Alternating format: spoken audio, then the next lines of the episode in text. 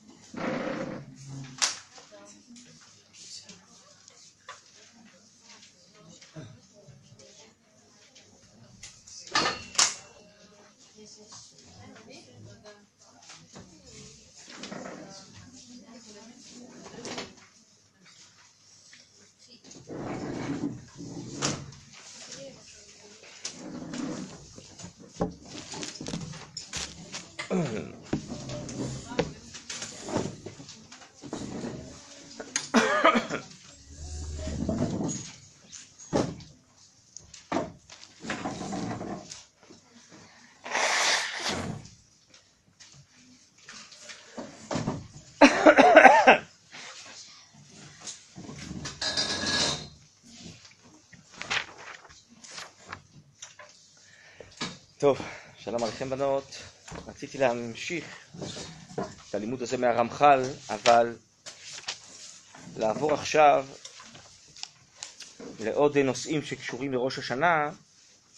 אנחנו התחלנו לעסוק בתוספת של התא קדוש, ורציתי עוד כהמשך אה, הכנה לראש השנה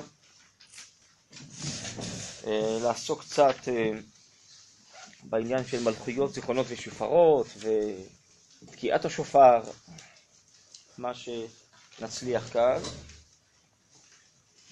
אז בדף שלפניכם, בצד ימין, למטה מלכויות, זיכרונות ושופרות. אתם יודעות שבעצם בתפילה של ראש השנה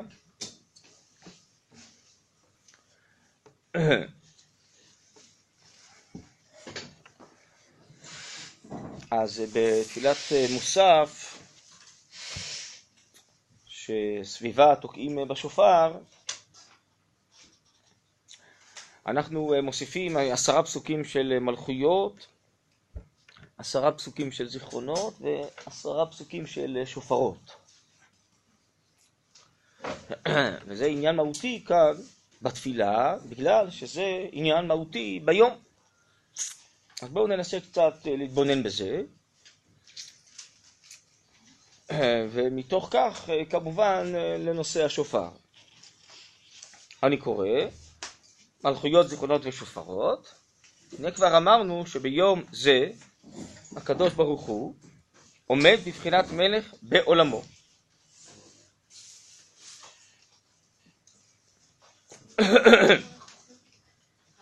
כן. זה הרמח"ל, רבי משה חיים מוצטו, מחבר המסילת ישרים. זה נקרא מאמר החוכמה, וזה מובא באחד מספריו, לרוב בספר דרך השם.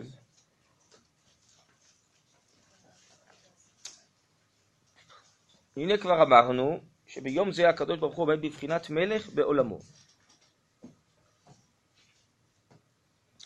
אמנם בזה צריכים אנו להתחזק, כי זה כל טובנו וכל תוקפנו.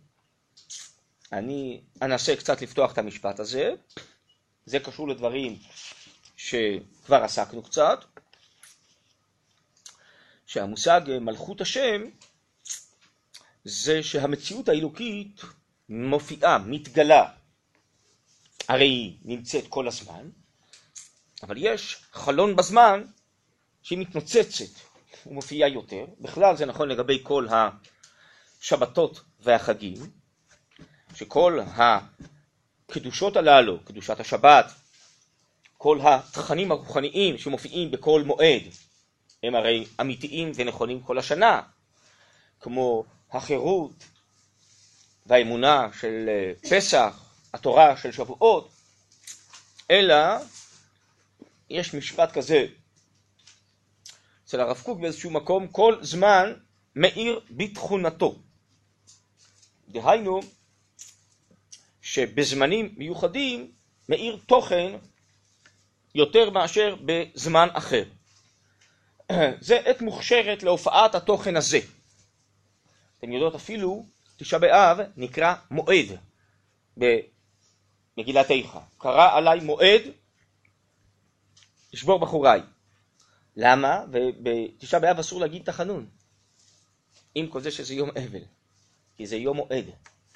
למה זה יום מועד? כי זה מועד מיועד, מיוחד להופעת איזה תוכן. בינתיים חורבן, לעתיד לבוא בניין. כן? כמו שור מועד, הוא מועד לנגוח. אז היום הזה, וחז"ל אמרו שזה הלילה של אה, הבכיות של אה, חטא המרגלים, זה הלילה של שני החורבנות, מגלגלים על זה אמרו חז"ל, זכות ליום זכאי וחובה ליום חייו, שאם יש איזה חובה, הקדוש ברוך הוא מגלגל את זה כבר לאיזה יום שהוא מיועד להופעת החובות. יש ימים שמיוחדים להופעת הזכויות. כן? אז אני מביא את זה רק בתור דוגמה לכך שיש דבר כזה, כמו שיש קדושה שמופיעה בבני אדם במדרגות שונות, מבחינות שונות, עם ישראל לעומת העמים, עסקנו בזה קצת. בתוך עם ישראל יש אה, כהנים, נביאים וישראלים. כמו שיש מקומות מיועדים יותר להופעת הקדושה כמו ארץ ישראל, ירושלים, הר הבית, נכון? אולי הייתי צריך להתחיל, כמו שיש אה, בגוף איבר שהנשמה תלויה בו, לב, מוח, איברים שדרכם הנפש, החיים, הנשמה נקשרת לגוף, והם מיועדים, מיוחדים לכך, זה בתכונתם, שהנשמה תדבק בהם, דרכם היא תהיה קשורה גם לשאר האיברים, אבל אין בסגולת, אין בטבע שאר האיברים שהרוחניות תתחבר אליהם, זה תכונת רק הלב. אז יש בני אדם כאלה, יש מקומות כאלה, ואותו דבר יש זמנים כאלה, שהם מיועדים לכך שקדושות אלוקיות ותכנים רוחניים אלוקיים, מציאות אלוקית, תופיע בהם יותר מאשר בזולתם. אז הנה עכשיו בנושא שלנו בראש השנה, זה יום כזה מיוחד שמלכות השם תופיע בו. אתן יודעות שהעולם התחיל להיברות היום, נכון? אתם יודעות שהיום זה בעצם ראש השנה, נכון? אתמול זה היה, לא הייתי פה, אם הייתי פה אז בלי נדר הייתי בא לדבר איתכם על זה אולי כמה מילים, לא יודע אם מישהו הזכיר את זה, אתמול היה יורצות של החפץ חיים. מישהו דיבר על זה? אתם יודעות, אה, טוב. כן, תמיד הרב צודה היה אומר שהקדוש ברוך הוא שלח אותו בדורות האלה לטהרת הלשון, מעבר לזה שהוא היה תמיד חכם גאון ועצום, אבל כולו כולו אהבת ישראל, וכתב רק דברים שהיו צרכים לדור, שהוא ראה שלא מקיימים או לא יודעים אותם, גם המשנה ברורה שפסקיו התקבלו בגלל שהוא ראה שצריך לקבץ את כל ההלכות של האחרונים למקום אחד. אז כל כולו היה מסירות נפש למען עם ישראל וכלל ישראל. ורב צודה היה אומר שקדוש ברוך הוא שלח אותו בדורות שלנו לתאר את הדיבור כהכנה לגאולה, כי הגאולה צריכה לבוא מתוך אהבת חינם, מתוך חיבור ואחדות. אז הוא שלח לתאר את הדיבור. לעומת שכינת אה, חינם שהחריב את הבית. והיום, כ"ה אה, באלול, זה היום הראשון לבריאה, כאשר א' תשרי, היום הרת עולם, זה היום שבו נברא האדם הראשון, זה היום השישי. אז למה הוא נקרא היום הרת עולם, כי נשמת העולם זה צלם אלוקים שבאדם, זה האדם הראשון. עד אז החז"ל אומרים זה כמו הכנות לסעודה. עוד לא נכנסו לסעודה. מכינים את השולחנות, את המאכלים. כל הברואים נבראו ככלי, כגוף העולם. הדוממים, הצמחים, בעלי חיים, כדי שיופיעו בני אדם שיש בהם צלם אלוקים. יש בהם אלוקיות, יש בהם קדושה, יש בהם אמונה, יש בהם רוחניות. עיקר העולם נשמתו זה המציאות האלוקית הרוחנית, שזה נברא העולם, זה תכלית העולם. לכן היום הרת עולם. ולכן זה בדיוק מה שלמדנו עד עכשיו כאן אה, ברמח"ל, שהמושג הזה של אה, ראש השנה זה כדי שקדושה אלוקית תופיע בעולם, והיא יכולה להופיע רק דרך אה, עם ישראל, בשביל שאר העמים ושאר הברואים שיעשו כולם אגודה אחת, ולכן בעצם זה מה שאנחנו פה מוסיפים בברכת אתה קדוש. למה ברכת אתה קדוש? אנחנו מדברים על הקדושה. קדושה זה אלוקיות. זה הייתי אומר מה שבגלוי חסר לעולם כיום. העולם הוא נהדר, מפותח, בטכנולוגיה, במדע, בתעשייה, כן? ביכולות, במיומנות, ביעילות, במהירות, נהדר, אבל אין בו קדושה. רואים, ממילא אין בו חיים. כי קדושה וחיים זה אותו דבר. חיים וקדושה זה אותו דבר. לעומת כל מיני ציורים דמיוניים שיש לאנשים, שקדושה זה מיסטיקה וזה משהו מוזר כזה. בטח, כי מי שרק חי בחושים, בגוף בעולם הזה, והוא לא יודע מה זה אלוקיות, רוחניות, נשמה, אז כל משהו שהוא מעבר לגוף הוא נראה לו מוזר נורא. זה מתאים אה, למוזיאון, לבית הכנסת אולי, אבל אה, משהו כזה מפחיד, מאיים, כי הוא לא יודע מה זה באמת אלוקיות. קדושים תהיו כי קדוש אני. הכוונה היא לחיות. קדושה אמורה להופיע באופן טבעי באדם, באומה, בסופו של דבר בצלם אלוקים שבכל האדם. אז ראש השנה, שזה חידוש של חיים, זה חידוש של חיים אלוקיים.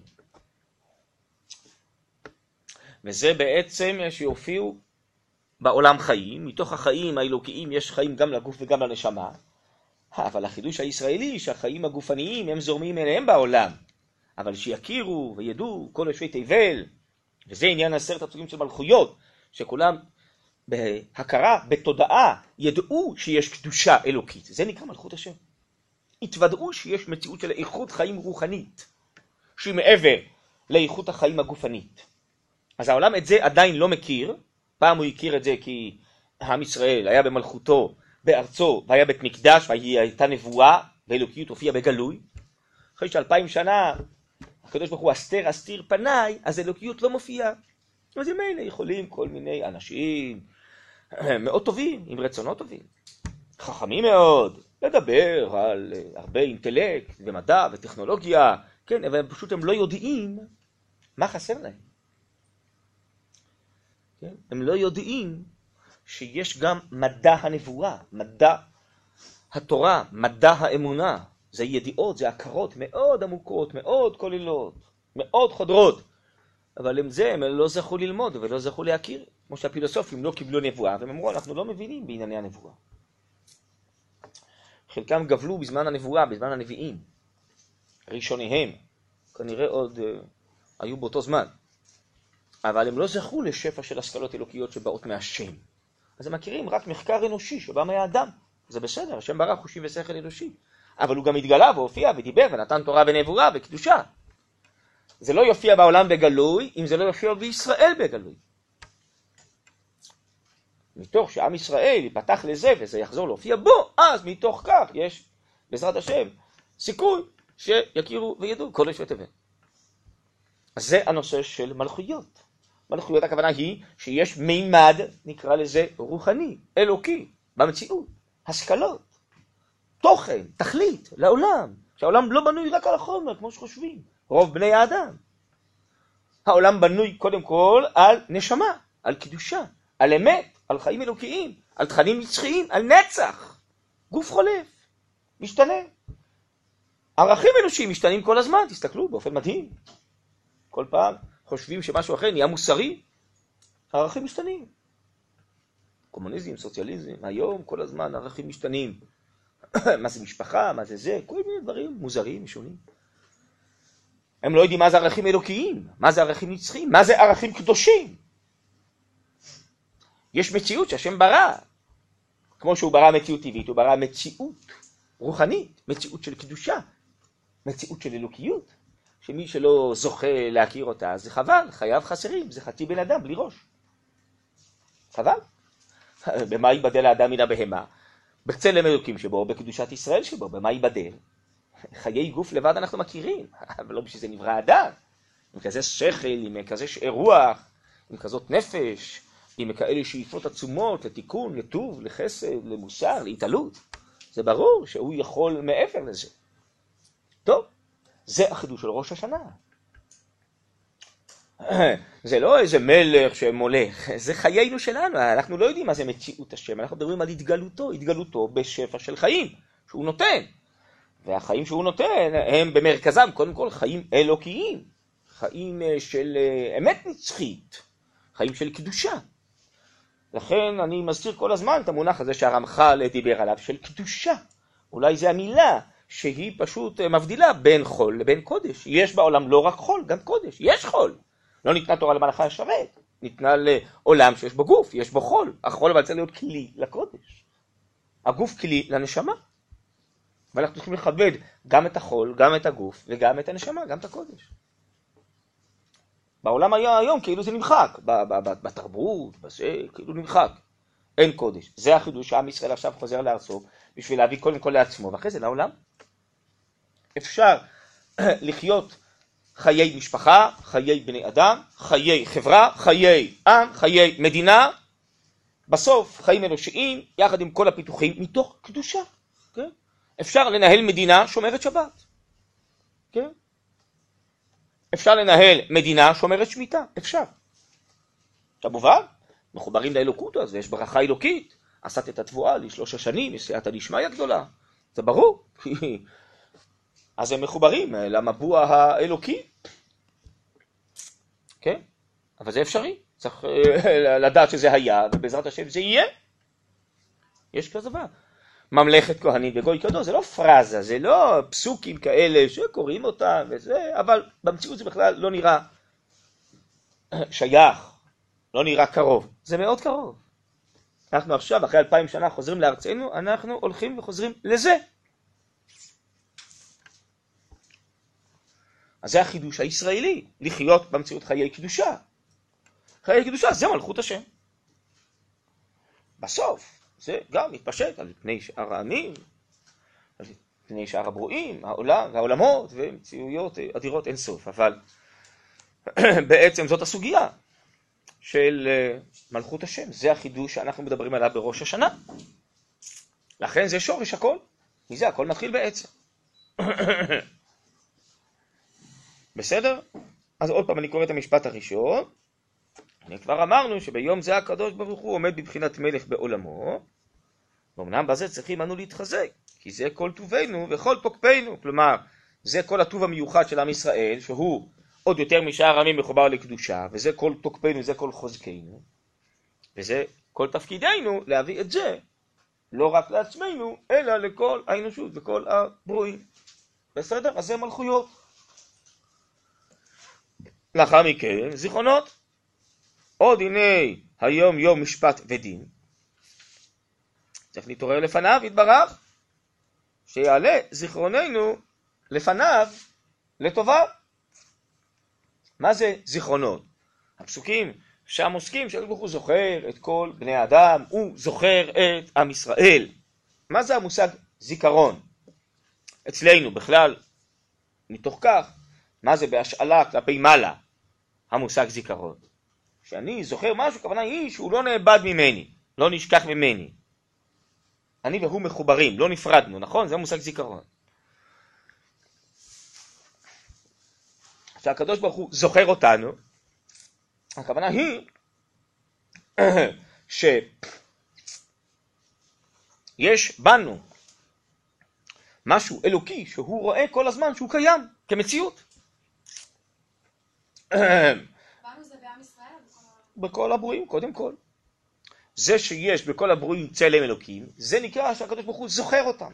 בסדר? זה לא מושג אה, זיכרון אה, כמו שאנחנו אה, מדברים על עצמנו.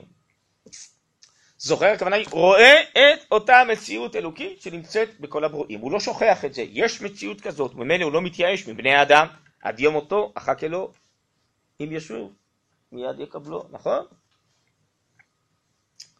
זה הכוונה זוכר.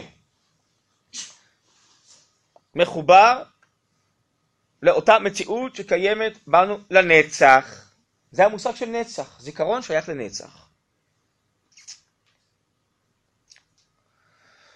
ואותו דבר הקדוש ברוך הוא זוכר את עם ישראל, לא רק זוכר כל יצוריו. זוכר, הכוונה היא רואה את הקדושה האלוקית המיוחדת שיש באומה הישראלית. זה נקרא זוכר אותנו.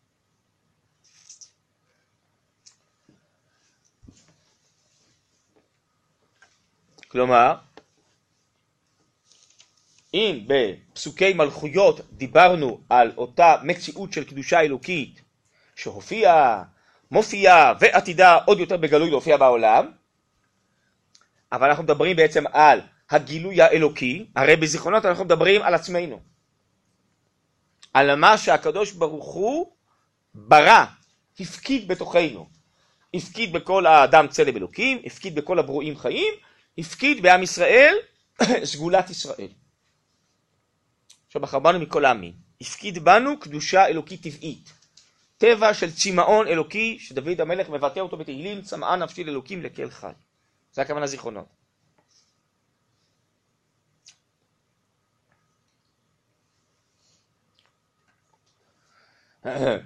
ומתוך כך הוא זוכר גם כן את כל אותה סגולה שהתעוררה על ידי מעשים טובים של אבותינו, שלנו, של כל הדורות, שהיא עוד יותר התפתחה ויצאה לפועל והתחזקה בעולם בגלל המעשים הטובים שעשו. למה אני מתכוון? זוכר עקדת יצחק. עקדת יצחק, כל כולה מסירות נפש של אברהם ויצחק. בלי נדר, נדבר על זה אולי קצת עוד במערה. אנחנו נפגשים בלילה, לא? בלי נדר. אז uh, לזכור את המסירות נפש שלהם, הכוונה היא לראות את אותה סגולה שהתפתחה והתעוררה עוד יותר אחרי המעשה הזה של העקדה מאשר לפניו. כי כל המושג של ניסיון זה להוציא לפועל כוחות שגנוזים ועצורים בתוכיות האדם, תוכיות האומה. אז כאן בעצם אה, אבותינו הראשונים, הופיע בהם סגולת ישראל, ועל ידי הניסיון של העקדה זה עוד יותר התעורר ויצא לפועל. ושואל באיזשהו מקום רב לוי יצחק מברדיצ'ב, אז uh, מה מזכירים כל כך את המסירות נפש שלהם? הרי uh, כל הדורות לצערנו מסרו את נפשם ועלו על המוקד בצורות נוראיות, uh, אלפיים שנה כמעט, אז למה מזכירים רק אותם? הוא היה עונה, כן, אחרי שאברהם ויצחק עוררו את המסירות נפש הזאתי והוציאו אותה מן הכוח אל הפועל, אז זה כבר טבע קבוע באומה של מסירות נפש. כמובן שאנחנו מתפללים, מייחלים שהמסירות נפש תהיה בחיים ובטוב.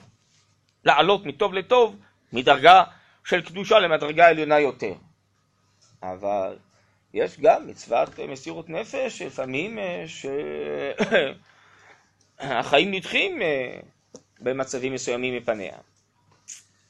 אבל בדיוק מה שהם עשו זה לעורר את התכונה הצורה הזאת שבנו, להוציא אותה לפועל, לחזק אותה, ומילא היא כבר תכונה קבועה, שמתוכה אחרי זה כבר יותר קל במרכאות כפולות ומכופות לכל הדורות.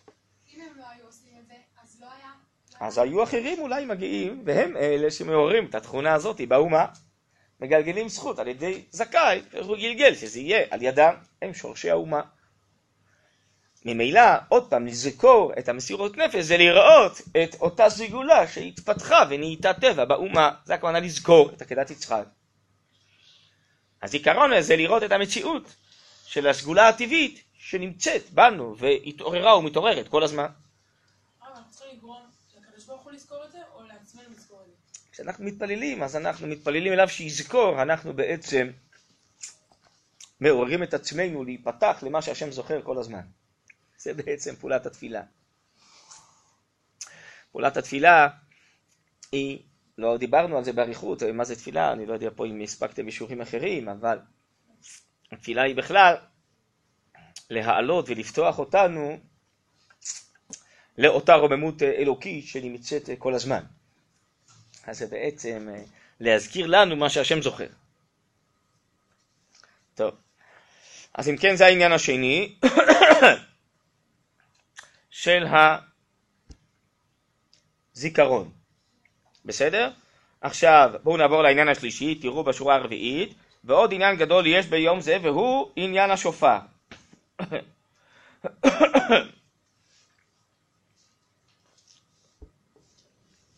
שנצטווינו בו. וזה כי סגולת השופר בתקיעתו למטה וכוח שורשו למעלה. הוא להחזיק הטוב ולכפות הרע. אז אחרי מלכויות וזיכרונות, יש לנו שופרות. השופר, אומר הרמח"ל, הוא עושה פעולה. הוא לא רק מגלה לאדם, מביא לידיעתו את הקדושה שצריכה להופיע בעולם שזה מלכויות. הוא לא רק מזכיר לאדם מה שהשם זוכר את הצלם אלוקים והסגולה האלוקית שבקרבו, הוא פועל פעולה. הוא מעורר את הטוב ומחליש את הרע. מעורר את האור, מחליש את החושך. בסדר? זה פעולת השופר. זה מה שהוא אומר, הוא להחזיק את הטוב ולכפות את הרע. והרמח"ל הזכיר, למה שקצת למדנו בברכת אתה קדוש, שכל עניין הקדושה שמופיע בעולם זה הופעת הטוב. וכל מה שקשור לגוף, לחלקיות, זה הצמצום של הטוב, שהוא כבר קרוב לרע. אז השופר הוא בא לעורר, להוציא לפועל כמו איזה קול שבוקע מהפנימיות החוצה, נכון? לא בשקט. שקט זה כאילו מסתודדים, נכון? לא מגלים משהו. צועקים, מדברים, עושים קולות, רעשים, זה, מוצאים את זה לפועל, מגלים את זה לכולם, נכון? עושים עם זה רעש. אז הקול של השופר, עניינו שהמציאות הזאת הפנימית של הנשמה,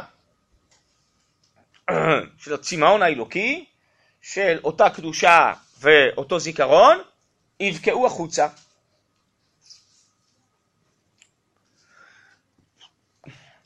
בסדר, אבל צריך להבין יותר בעומק. מה זה המושג של קול? למה התורה ניתנה בקולות? הגמרא אומרת בשישה קולות, שם מדובר בפסוקים, רואים את הקולות. מה זה הקולות האלה של הר סיני? מסביר הרמב"ם במורה נבוכים שקול מביא איתו דעת.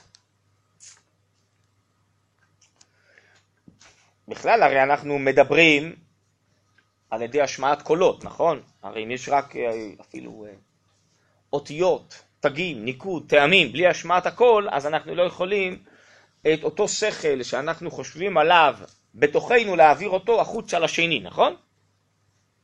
הכל הוא גורם שכל התכנים שמורכבים מאותיות, מילים ומשפטים, מאותיות, תגים, ניקוד וטעמים, שאנחנו נוכל להעביר אותם זה לזה, נכון? אז הכל מוציא את התכנים, את הדעת, את השכל, מתוכי החוצה למרחב, למציאות, לאחרים, נכון? אתם יודעות, נכון, יש טעמי המקרא שעם זה קוראים בתורה. יש חושבים שטעמי המקרא זה רק ככה שיהיה מנגינה נחמדה, אבל זה לא כך. טעמי המקרא זה דבר עמוק מאוד. הם מתאימים, נותנים טעם אחר לגמרי לכל הפסוקים, אם קוראים אותם בצורה א' או בצורה ב'. לפעמים יש טעם תחתון, טעם עליון, בעשרת הדיברות. למה? אם אוכלים מאכל טפל הוא לא טעים, נכון? מוסיפים לו תבלין, מלח, הוא נהיה טעים, נכון? בראתי יצר הרע, שזה כוח, בראתי לו תורת תבלין. זה מפנה, מרכז את כל, הכ... את כל המאכל, נותן לו טעם, כיוון, נכון? אותו דבר אתה שואל, מה טעם הדבר, נכון? מה טעמו של הדבר? מה טעם המצווה? מה הכוונה? האם היא תהיה טעימה ערבה לנפש? לשכל, לדעת, נכון? אם אני אבין את הכוונה האלוקית במצווה יותר ויותר, אני אפתח, אני אתחבר למצווה, היא תהיה טעימה לי. היא תהנה אותי, אני אשמח בה, אני אתקלל בה, אני אתחבר אליה, אני אוהב אותה, ואני אקיים אותה מתוך אהבה ושמחה יותר ויותר, נכון? כי הבנתי את טעמיה. אז טעמי המקרא הם מטעימים את המקרא, נותנים בכלל לפסוקים משמעות אחרת. נכון? למשל, דוגמה קטנה, כש... אה, יעקב ועשיו מביאים אה, מטעמים אה, ליצחק. אז מה ההבדל בין יעקב לבין עשיו, שיצחק אומר הכל, כל יעקב, הידיים בידי עשיו, אומר רש"י, יעקב מדבר בלשון של תחנונים. זה לא הכל עצמו שהוא שונה, אלא הוא מדבר, יקום אבי ויאכל. ועשיו אומר אחרת, נכון? הוא אומר קום.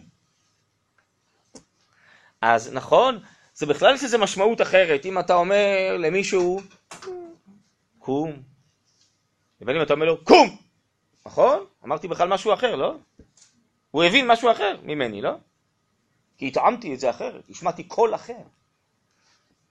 אז לעומת האותיות הפרטיות, או הניקוד הפרטי, הטעם זה בעצם הכוונה הכללית. מאיפה זה בא? ממקום של שמחה, של כעס, מאיזה כיוון חיובי, שלילי.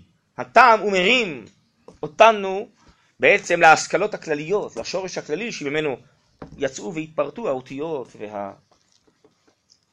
והניקוד וכל הפרטנות.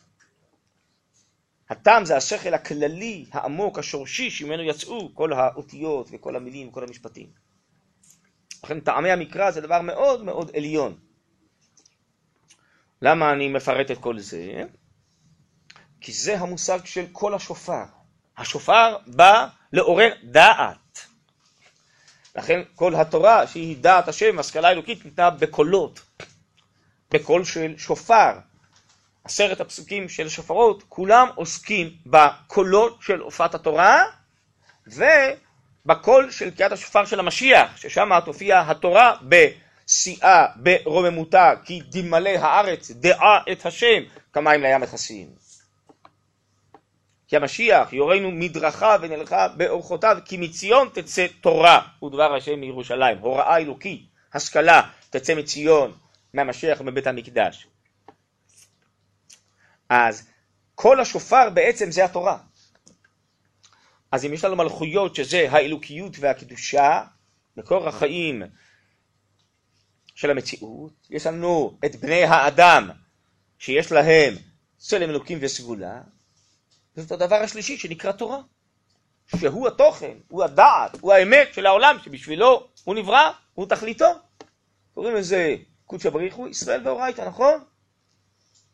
אז ישראל זה לב האומות ומתוך זה כל הברואים, זה זיכרונות, קודשא בריחו זה מלכויות, אורייתא זה תורה, זה קולות, זה שופר. בסדר? שלושת הנושאים הללו הם מרכז תפילות ראש השנה. כי תפילת מוסף היא התפילה העליונה המיוחדת, המרכזית, ושלושים הפסוקים הללו, מלכויות, זיכרונות שופרות, זה מרכז התפילה והחידוש הגדול של ראש השנה.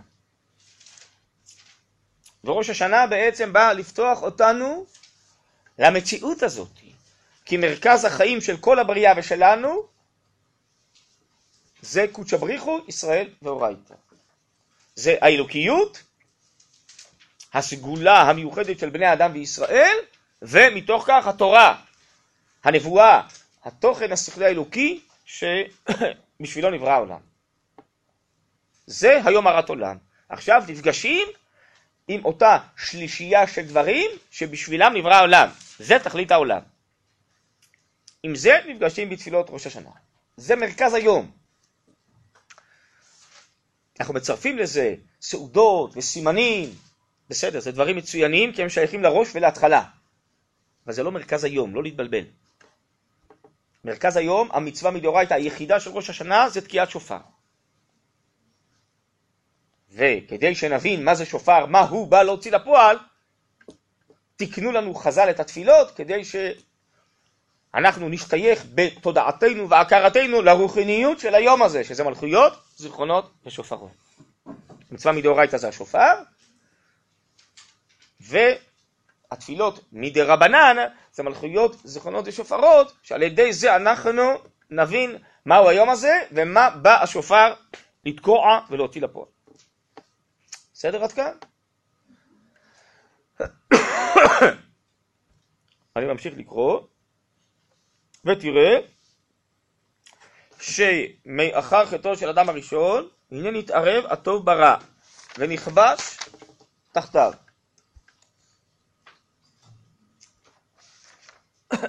זה אחרי חטאו של אדם הראשון. בזמן המתן תורה, הנה יצא הטוב מתוך הרע ונתגבר ושלט. זה נקרא בחז"ל, שישראל שעמדו על הר סיני, פסקה זו המתם. ואומנם לא הגיע עדיין להיות הוא כובש את הרע תחתיו, אבל הגיע לצאת ממאסרו ולהתחזק בעצמו. ונשאר הרע נפרד ממנו, עומד בפני עצמו. אז התקדמנו הרבה במתן תורה, אם זה היה מאוד מעורבב, אז עכשיו כל דבר עומד בפני עצמו. טוב, זה מושגים רוחניים, רק נקרא אותם, נראה לי שהבירור של ההבדלים פחות חשוב לנו עכשיו, בסדר? זה דברים עמוקים, אני לא בטוח שאני מבין את זה עד הסוף, ואני יכול להסביר את זה, גם לא נראה לי שזה כל כך חשוב עכשיו לענייננו של ראש השנה. אך, לעתיד לבוא, הנה ישתלם התיקון הזה, והטוב יכבוש את הרע לגמרי, והטוב שולט לבדו, זה נקרא שהטוב שולט לבדו.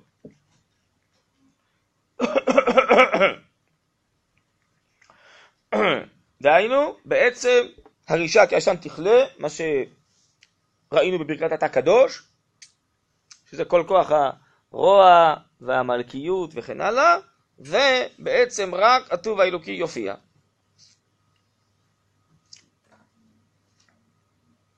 ואומנם החיזוק הראשון שנעשה לטוב נעשה על ידי השופר דמתן תורה, הוא עניין ויהי כל השופר.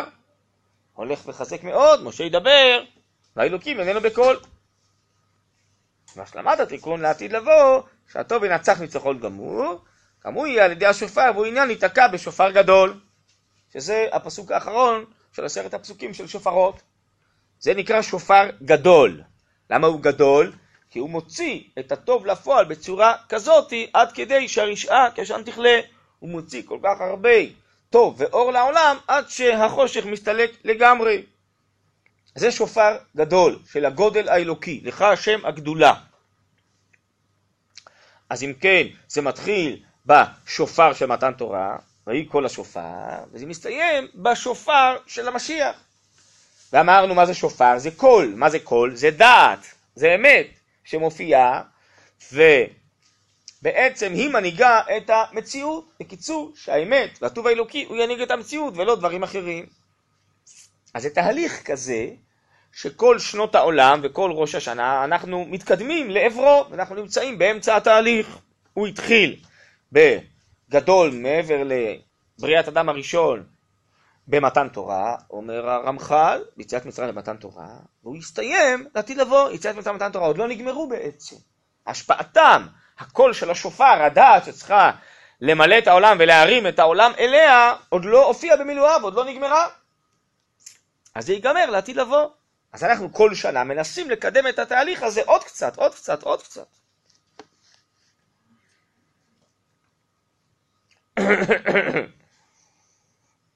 ולפי, אני ממשיך לקרוא, שתיקון זה יהיה גמור, מה שלא היה במתן תורה, נקרא שופר גדול. ואולם נצטווינו לתקוע בשופר בראש השנה, לחזק התיקון העשוי כבר במתן תורה, ולהזמין העתיד לעשות לעתיד לבוא. וכן, כנגד זה נסדר הסדר בתפילה לעורר אותו כראוי. כלומר, אנחנו מרימים את עצמנו קצת, את העולם קצת, לאותו גודל עתידי, על ידי שאנחנו מזכירים לעצמנו את הפסוקים הללו של השופרות, של התכלית, של העתיד שצריך להופיע. אז אנחנו תוקעים בשופר ומעוררים קצת את האמת הזאתי, ומשייכים אותנו על ידי התפילה שהזכרתי קודם, שכל עניינה בעצם להרים, לפתוח אותנו לאותה אמת גדולה, שאומנם בפועל היא עוד לא ממלאת ומנהיגה את כל העולם, אבל אנחנו משתייכים אליה קצת. כן. אולי אני אוסיף עוד משהו, מתוך איזה מאמר של הרב קוק על השופר, שמתוך שיש ספק איזו סוג תקיעה התורה רוצה שנתקע, כי כתוב בתורה תקיעה וכתוב תרועה, ויש ספק בגמרא האם זה גנוחי או ילולי. גנוחי זה שברים, ילולי זה תרועה, נכון? מה זה שברים? אה, אה, אה, תרועה זה, נכון? תרמיתין זה נקרא, זה התרועה. ויש לנו בתורה כתוב גם תקיעה וגם תרועה, אז אנחנו מבינים שמהתורה צריך תקיעה, תרועה, תקיעה. כיוון שיש לנו ספק, אז אנחנו עושים את כל האפשרויות, ורבותינו התקינו והבינו שצריך שיהיה בסוף 100 תקיעות, כך כתוב בשלב וכך נהגו ישראל. אבל בעצם המרכז של התקיעות זה תקיעה לפני, תקיעה אחרי, ובאמצע שברים תרועה, או רק שברים או רק תרועה. אומר הרב קוק, מבחינה מחשבתית, הרי התקועה, התקיעה, עניינה קול, עניינה בעצם איזה אמירה, נכון? עניינה דעת. אז אנחנו מתחילים מתקיעה, שזה בעצם איזה משהו מוחלט, נכון? של האמת, אותה אמת שהופיעה בהר סיני, זה התקיעה לפני, ואנחנו מסיימים בתקיעה בסוף, בעיקר בתקיעה גדולה, שזה אותה אמת עתידית גדולה שעתידה שוב להופיע בעולם. בין תחילת הופעת האמת התנוצצותה בעולם במתן תורה לבין סוף היגלותה שהעולם יתרומם אליה, יש ירידה, ירידה לצורך עלייה, שזה שברים תרועה, שזה קולות מקוטעים, שהאמת לא מופיעה כקול אחד, גלוי, מוחלט, בהיר, ברור, נכון? יש ספקות, יש לנו ספקות בתקיעה, ספקות בדעת האמת, אנשים מסופקים באמונה, באמת, בערכים, במוסר, נכון? זה כל העולם וכל ההיסטוריה שאנחנו נמצאים בה, שהיא בבחינת שברים תרועה. האמת מקוטעת, מסופקת, לעתים מבולבלת, מפורטת, ולא כהשכלה אחת, כללית, חובקת, שמרימה יחד איתה את כל הפרטים ורואה את כל הפרטים רק כענפים וגוונים של הופעתה. זה יהיה לעתיד לבוא. אז אם כן, גם צורת התקיעה היא בעצם אומרת את מה שקראנו כאן ברמח"ל. שיש את האמת הגדולה של הר סיני, יש את כל מהלך ההיסטוריה שאנחנו עוד לא באמת הזאתי, ויש בעזרת השם את האמת הגדולה בשלמותה שעתידה להופיע. בסדר?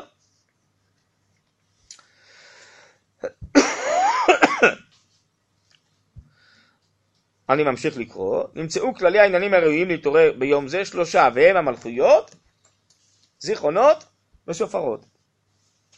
והתיקון, לסדר עשרה פסוקים בכל אחד מהסדרים כנגד עשרה מאמרות, והם הם סוד העשר ספירות. עכשיו, נקרא קצת על עלינו לשבח. האמת היא שהעבודה הזאת מופיעה במיוחד ביום הכיפורים, אבל זה קשור כאן לעניין, וחז"ל אומרים שיהושע בן נון תיקן עלינו לשבח כשנכנס ארצה, אבל מה שנאמר שם, בעלינו שבח ועל כן, זה בעצם החזון העתידי שבשבילו נברא כל העולם, זה מה שמתנוצץ ומופיע בראש השנה. אז בואו נקרא קצת. עלינו לשבח, לא במקרה גם הרמח"ל שם את זה פה, את ההסבר, כי זה קשור לכל העניין של מלכויות, זיכרונות ושופרות. עלינו לשבח זה שבע, שמשבחים לפניו יתברך, ומודים לו על הטובה שהיטיב לנו, שבחר בנו וקרבנו לעבודתו.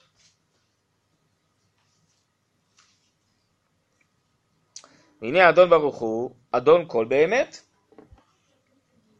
שהוא לבדו המצוי הראשון. כל הנמצאים מאיתו יתברך נמצאו, ונמצאים כולם שלו, ובבחינה זו נזכירהו בתואר זה של אדון הכל. אז האדונות הזאת, אדון הכל, זה מה שמופיע בראש השנה. אמנם בבחינת סדרי הבריאה שברא נקרא הוא יוצר בראשית. עלינו שבח אדון הכל, נכון? אבל כל הבריאה שהוא ברא היא נקראת יצירת בראשית.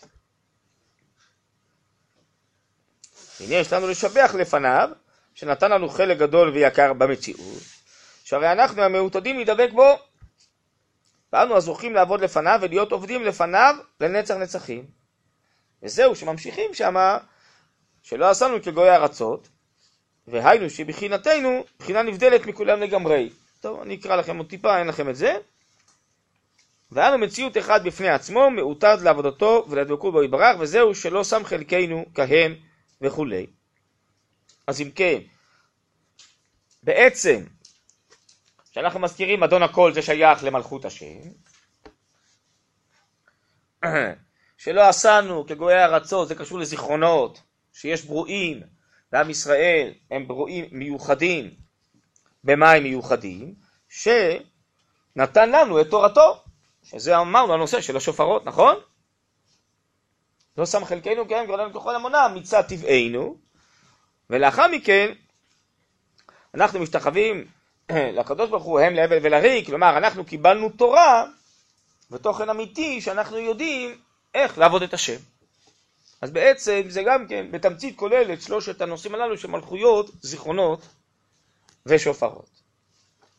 עכשיו אם אפשר אני רוצה ככה בדקות קצרות, מה שנשאר, להסביר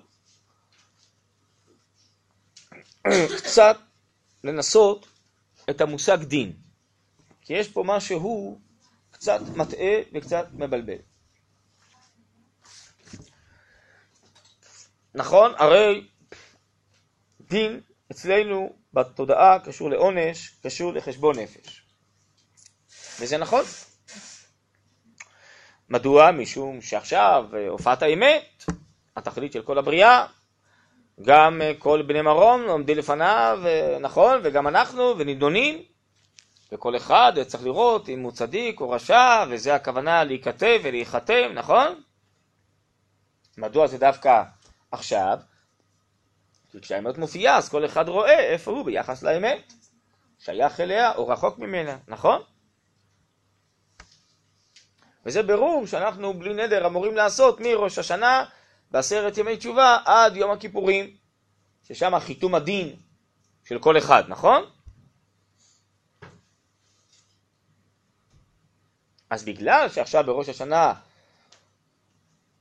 האמת מופיעה, מלכויות, זיכרונות ושפרות, עכשיו אני יכול לבחון איפה אני כפרט עומד מול האמת הזאתי. כמה אני כלי פתוח, צינור מפולש, האמת הזאת הופיעה דרכי, כמה אני חוצץ, מפריע, אבנותיכם היו מבדילים ביני וביניכם. אני חוצץ בפני האמת הזאת שלא תופיע בי ולא תופיע בעולם או באומה כראוי, נכון? גמר הבירור זה ביום הכיפורים, זה עשרת ימי תשובה. כאשר עשרת ימי תשובה מורכבים משני ימי ראש השנה, שבוע שלם באמצע, באמצעו שבת תשובה, והיום העשירי של עשרת ימי תשובה זה יום הכיפורים. בעצם יש שלושה ימים ראש השנה, יומיים, יום כיפור יום אחד, שלושה ימים טובים, ובעצם שבעת ימי השבוע שבתוכם שבת. מביא המשנה ברורה בשם רבי יונתן אייבישיץ בספר יערות דבש, שאדם בעשרת ימי תשובה ישתדל כל יום לעשות תשובה כנגד אותם ימי ראשון של כל השנה כולה. כי יש לו ממש שבעה ימים כנגד שבעת ימי השבוע בעשרת ימי תשובה. ההכנה לכל זה זה ראש השנה, יומיים, והסיום, המסקנה של כל מה שהוא גם חזר בתשובה בעשרת ימי תשובה, דהיינו בשבעת ימי התשובה, זה ביום כיפור. למה אני אומר בשבעת ימי התשובה? כי חלק מעשרת ימי תשובה זה ראש השנה ויום כיפור. עכשיו תשובה, הרמב"ם כותב בהלכות תשובה, שבעצם אנחנו יודעים חלקי התשובה חרטה, עזיבת החטא וקבלה לעתיד, אבל המצווה מתקיימת מהתורה בעיקרה, אומר הרמב"ם, על ידי וידוי, המתוודה. זה מה שאנחנו אומרים, חטאנו, אבינו, פשענו. ומתוודים בעיקר חמישה וידועים ביום הכיפורים. כן, אבל הפוסקים אומרים שאסור להתוודות בראש השנה. זה יום טוב, לא מתוודים. רק מתוודים בעשרת ימי תשובה, גם לא בשבת, וביום הכיפורים. ופה נשאלת השאלה, אז איך יש לנו עשרת ימי תשובה, אם תשובה זה וידוי? זה עיקר מצוות התשובה זה על ידי וידוי בפה. כמובן, זה מתוך מחשבות, שעכשיו אני מוציא לפה ואני uh, אומר לעצמי, מול הקדוש ברוך הוא, מה לא הייתי בסדר ואיך אני רוצה להשתנות לעתיד. אז יש לנו, אה, נקרא לזה, שבעת, אה, שמונת ימי תשובה, לא יודע, שבעת ימי תשובה. אבל יומיים של ראש השנה לא מתוודים. מסביר הרב קוק גם, במאמר אחר, שכן זה נקרא עשרת ימי תשובה, בצדק. מדוע? משום שאפשר לעשות תשובה בשתי צורות. ועל זה קצת דיברנו בלימוד של אורות התשובה כשהתחלנו. אפשר לעשות תשובה מפורטת אה, על החולשות אה, שלי, כי אני מפחד מעונש. ודיברנו על זה, אני אה, מפחד מעונש גופני, או יש לי איסורי מצפון נפשיים, ובגלל זה אני חוזר. ואמרנו שזה גם כן מעלה גדולה ובסדר גמור. והלוואי שנעשה תשובה על הכל מתוך זה.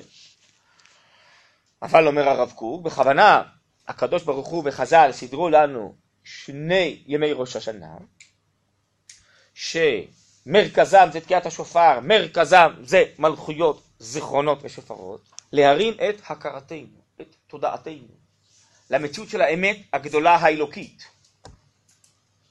להבין שיש תכלית לעולם, יש אמת, יש רוממות, יש קדושה, יש אלוקיות, שצריכים להופיע.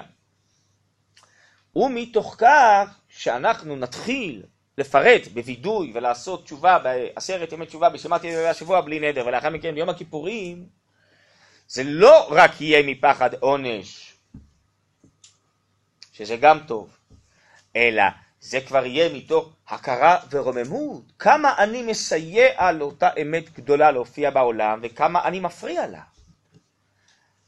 ואז יכול להיות שאני אעשה תשובה לא רק מיראה, אלא מאהבה, מאהבת הטוב, מאהבת הקדושה. אעשה תשובה לא רק מפחד עונש, אלא מהכרה שאני רוצה לסייע לאותן מלכויות, זיכרונות ושופרות להופיע בעולם. ובצורה שאני חי, בצורת מעשיי, או במעשים מסוימים, אני מפריע לזה. ואני רוצה לחזור לטבע, למקור, לשורש, להיפתח, לאפשר לכל זה להופיע דרכי כדי שאותו עילוי העולם ותיקון העולם גם על ידי ימשיך להתקדם ולצאת לפועל.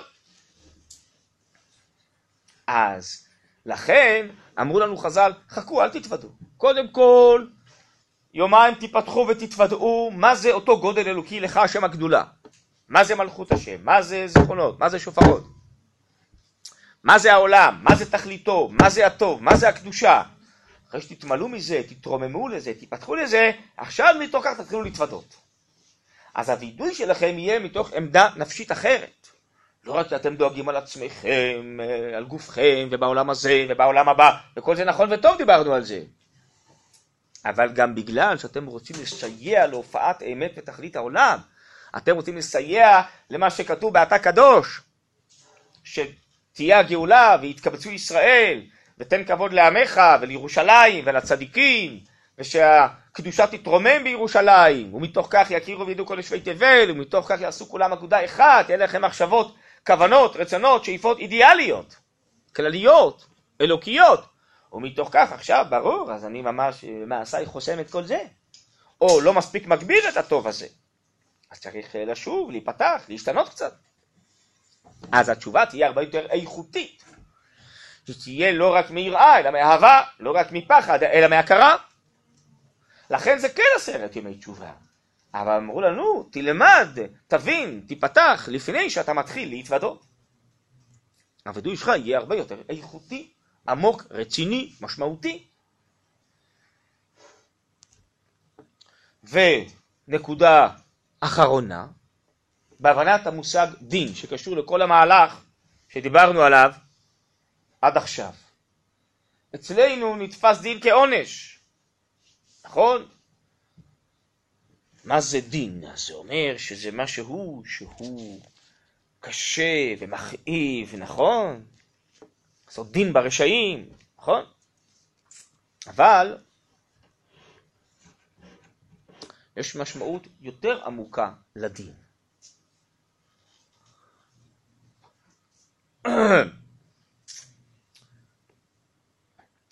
יש לזה משל במדרש, שבן חטא לאביו. רצה האבן, האבא סליחה, להרים אה, סלע גדולה לזרוק על הבן. אמר לו האמא, אם uh, תעניש ככה את הבן, כבר לא יהיה מי שיחזור בתשובה. אז מה עשתה אימא? מצד אחד, אבל אי אפשר לוותר על הדין, על האמת, על העונש, מה שראוי למעשיו. מצד שני, אנחנו רוצים שהאדם הנענש, המתחנך, הוא בעצם יושפע לטובה מאותו דין, נכון? מה עשתה האימא? איך החזיקה בשני הקצוות גם יחד, לקחה את הסלע, פוררה אותה לפירורים וזרקה עליו את הפירורים. בסדר? זה משל. מה הנמשל? גם בעולם הזה, נדמה לי שכבר הזכרתי קצת דוגמאות כאלה, אבל זה מאוד רלוונטי וחשוב לנושא, טוב זה טוב. אור, חום, נכון, שפע, ברכה, דברים טובים, נכון? כן, אבל במידה. מה קורה אם יש יותר מדי אור? האדם מסתנוור, נכון? אסור, זה מסוכן שהאדם מסתכל בעיניים מול השמש, נכון? יש לו הגנה אוטומטית שהאישונים נסגרים. למה? הם לא יכולים להכיל כל כך הרבה קרני אור, הם חס וחלילה ייפגעו, נכון? למה? אבל אור זה דבר טוב. כן, אני לא יכול להכיל את ריבוי הטובה, נכון? חום, דבר מצוין, אבל יותר מדי חם זה מסוכן, נכון? בסדר? אז יש דבר כזה, ששפע, איך אמר אה, חוני המעגל הקדוש ברוך הוא, אחרי שירד כל כך הרבה גשם, עם ישראל לא יכול לסבול לא ריבוי פורענות וגם לא ריבוי טובה, זה מדי שפע, שוטף אותנו, לא יכולים לעמוד ולהכיל את השפע הזה. נכון? מה קורה כשאתה מוזג לזכוכית דקה מים רותחים מאוד? פאק! למה? קוראים לזה שבירת הכלים, נכון? אי אפשר להכיל את כל השפע, נכון? כתוב במשנה מסכת חגיגה, ארבעה חכמים נכנסו לפרדס. פרדס זה פשט, רמז, דרש, סוד. הסודות העמוקים של ההשכלות האלוקיות. אחד מהם, רבי עקיבא יצא ונכנס ויצא בשלום. אחד מהם הציץ ונפגע. למה? מרוב שפע, מרוב אור. לא יכל להכיל את זה, נכון? יש כזה דבר. מה זה ראש השנה? היום הרת עולם. זה כמו יום הולדת של האדם, שהוא מקבל חיים חדשים עכשיו לכל השנה. ראש השנה זה היום של הראש שבו שפע של חיים אדירים שוטפים. אמרנו כל זמן מאיר בתכונתו, שוב מופיעים מאירים בעולם. לכן אוכלים סימנים. זה הראש. להתחיל עכשיו את הכל בטוב ולהתפלל על הטוב בראש, בשורש. שורש זה שפע עצום, אנחנו רוצים להיפתח לשורש הזה ולקבל משהו יותר חיים, נכון? בסדר, זה מצוין. אבל אתם יודעים שהנביאים, כשהם קיבלו נבואה, הם נפלו על פניהם מרוב המורא, הם כמעט התרסקו מזה מלבד משה רבינו. אי אפשר היה להכיל את השפע של ההשכלות האלוקיות האלה. זה היה זרם אלוקי אדיר, רוחני, של השכלה. היה קשה להכיל את זה, נכון? בעצם ראש השנה זה שפע אדיר של חיים, שבמצבנו כיום אנחנו לא יכולים להכיל את השפע הזה, מרוב טוב. למה? כי אנחנו רחוקים, קטנים, מוגבלים, חלקיים, ולפעמים גם שקועים בחטא, בטומאה, לא מספיק כלי זך, פתוח, חזק, להכיל את השפע האלוקי הזה, נכון? אז השפע הזה עלול לפגוע בנו אם אנחנו לא רואים להכיל אותו, נכון? קוראים לזה עונש. למה? כי בדין יש הרבה יותר חיים מאשר ברחמים. יש הרבה יותר עוצמה בסלע מאשר בפירורים. רחמים זה קצת קצת קצת תרחם עליו. לוקחים את האור במסננת, איך קוראים למסננת הזאת? משקפי שמש, משחה על האור, לא יודע, קרם הגנה, נכון? אז מסננים את האור, אז זה קצת קצת אור, זה האמא סיננה, ריחמה סיננה קצת את הסלע, את הדין, את העוצמה, לפירורים קטנים שאפשר יהיה להכיל את זה. טוב, אין ברירה, העולם לא יכול לעמוד. ברא הקדוש ברוך הוא את העולם בדין, ראה שהעולם לא יכול לעמוד, צירף מידת הרחמים למידת הדין, השם אלוקים. אז הדין זה לא דבר רע, הדין דבר מצוין, שם יש הרבה יותר טוב בדין מאשר ברחמים.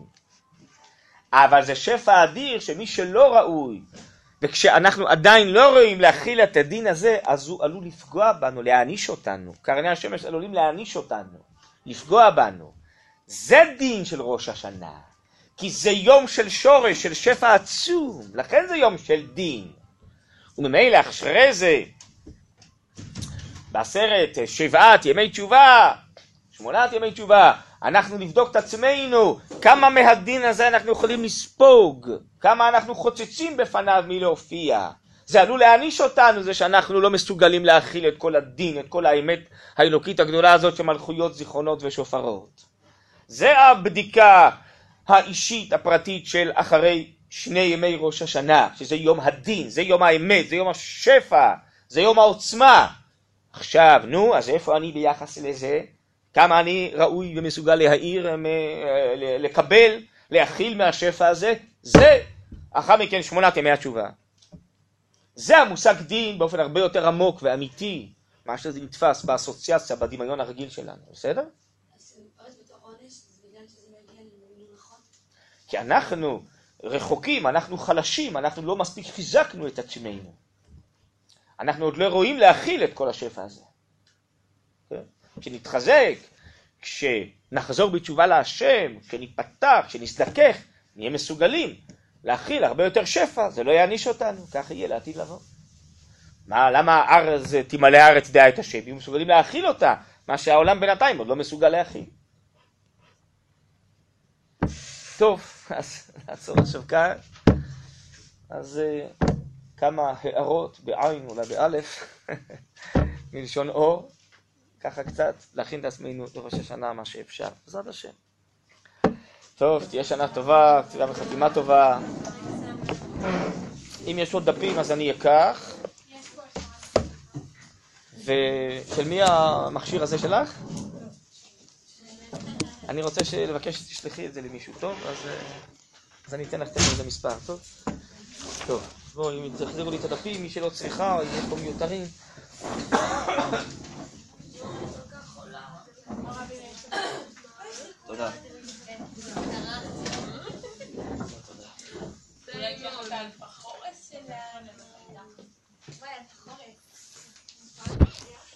את יודעת איך לשלוח?